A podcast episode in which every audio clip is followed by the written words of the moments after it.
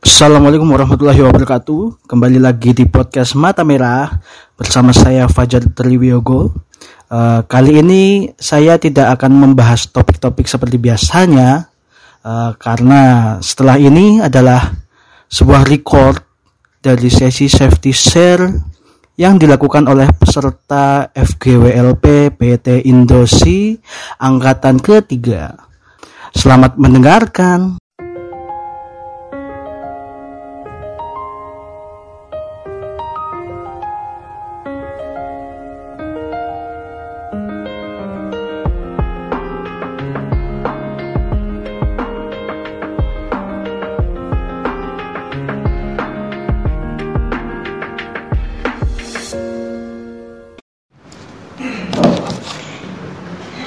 Oke, Eh, sebelum memulai kegiatan pada hari ini, alangkah baiknya kita berdoa sesuai dengan kepercayaan dan agama masing-masing. Berdoa dimulai.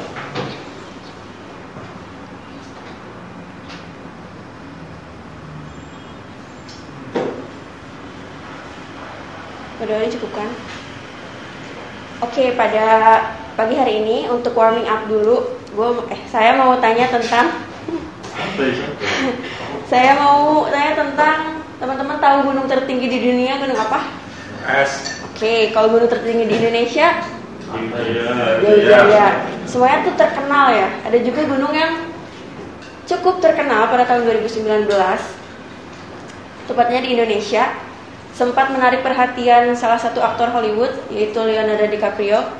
Dia sempat eh, foto eh, gunung tersebut terus di-post di Instagramnya.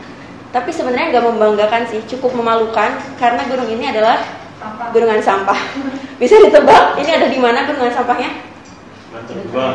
Bener banget ada di Bantar Gebang. Bantar Gebang dan gunungan sampahnya ini adalah salah satu landfill sampah terbesar eh, di dunia terluas luasnya itu eh, 110,3 hektar dan gunungannya itu ada yang mencapai 48 meter. Bisa dibayangin itu isinya sampah semua, udah bertahun-tahun menumpuk dan eh, sebenarnya memang tidak dibiarkan gitu aja sesuai namanya kan TPA itu sebenarnya apa sih? Buangan atau pemrosesan. sebenarnya kan seharusnya TPA itu tempat pemrosesan akhir ya. Tapi eh, kita masih menganggap bahwa TPA itu tempat pembuangan akhir gitu. Jadi ya udah sampah dibuangnya ke situ aja terakhir padahal sesuai nama seharusnya yaitu tempat pemrosesan akhir artinya di sana harus ada proses untuk mengolah sampahnya. Sesuai namanya juga ini adalah tempat pemrosesan akhir artinya di proses terakhir di, di sana gitu tapi harus ada eh, proses pendahulunya. Yang bisa kita lakukan eh, dalam skala rumah tangga untuk memproses sampah paling mudah itu menggunakan konsep R ya jadi yang paling yang paling umum itu ada 3 R. Ada yang tahu 3 R itu apa? Kita bahas dari yang terakhir eh, recycle dulu. Recycle itu kan eh, mendaur ulang sampah. Artinya sampah yang udah kita hasilkan didaur ulang untuk eh, dijadikan barang yang bisa digunakan kembali. Kemudian kalau reuse itu apa? Digunakan kembali sesuai dengan namanya ya. Jadi eh, misalnya kita beli sesuatu pakai kantong belanja kantong belanja digunakan ulang kayak gitu. Terus ada juga yang eh, paling pertama yaitu reduce artinya mengurangi. Eh, sebenarnya dengan menggunakan konsep R reduce aja itu bisa kita nggak usah melakukan konsep R yang lain gitu. Dengan kita mengurangi penggunaan barang-barang sekali pakai tentunya sampah yang dihasilkan akan lebih sedikit juga. Balik lagi ke sampah tadi eh, ke TPA tadi Eh, di TPST Bantar Gebang itu pada tahun 2019 masih menggunakan em, proses landfill dan juga open dumping gitu. Untuk eh, sanitary landfill sendiri itu kan sebenarnya dibuat cekungan, kemudian sampahnya ditumpuk di sana, ditutup lagi dengan tanah merah. Tujuannya untuk pembusukan. Tapi eh, pembusukan ini kan tentunya membutuhkan waktu yang sangat lama ya.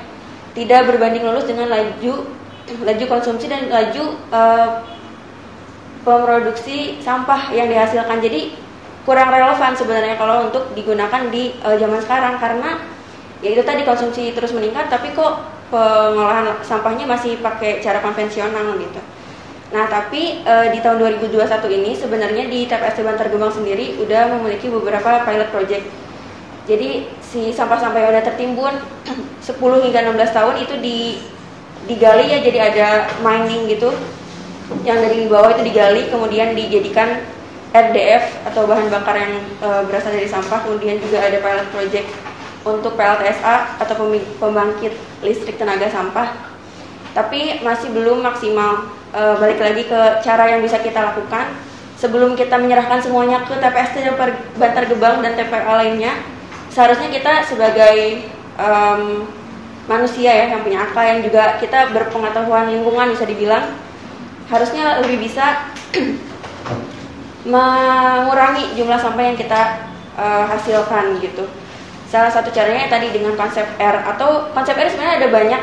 Kalau dikumpulkan mungkin ada sampai 30 40, ada replace, ada riri lainnya jadi semua sampah tuh nggak nggak hanya dibuang gitu aja gitu misal kalau replace kan diganti barang yang kita pakai misalnya awalnya pakai kantong plastik jadi pakai tote bag itu kan replacing diganti gitu.